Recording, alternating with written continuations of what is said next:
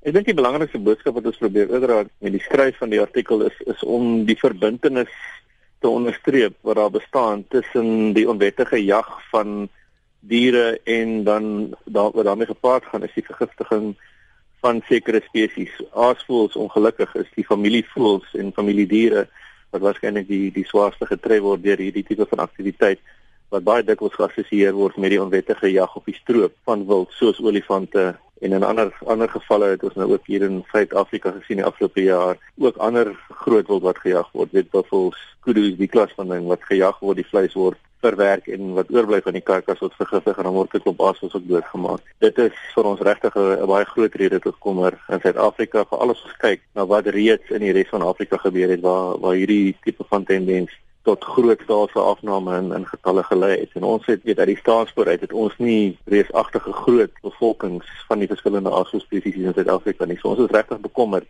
en dit het nou hier in Suid-Afrika begin op posvat en uh, ons het regtig groot kommer nou. Jy het genoem byvoorbeeld iets soos 12 olifante en dan hierdie massiewe klomp aasvoëls wat dood is as gevolg van vergiftiging ja. deur daai karkasse. Ek dink dis een van die die aspekte wat wat regtig kritiek is vir mense om te verstaan is dit neem 'n enkele vergiftigde karkas om regtig potensieel groot getalle aasvoëls te kan doodmaak.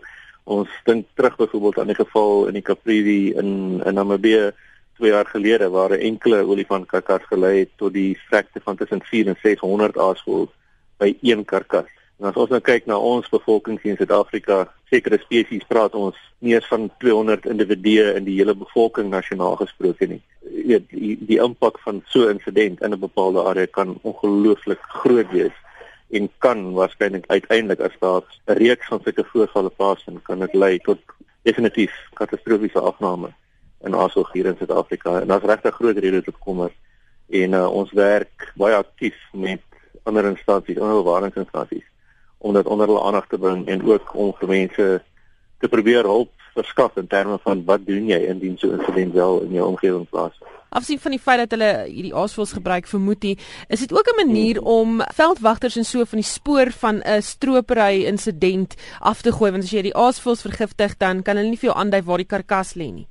Dit is ongelukkig so. Ek meen ek, ek dink dit is een van die van die basiese praktyke wat wat toegepas is histories en en en, en wat al lank voorkom. Maar ek dink die skaal wat dit op die oomblik plaasvind is net baie groter en en van 'n baie groter omvang en dit is dit is die groot rede dat dit kom. Dit het in die verlede plaasvind op die oomblik vind dit net op baie groter skaal plaas en en dit het gelei tot geweldige afnames in afgetalle in in lande soos Tanzanië en Zambië en en so aan en ons sien nou hierdie selfde tendensie by ons begin op posvat. En en as regte groot rede toe kom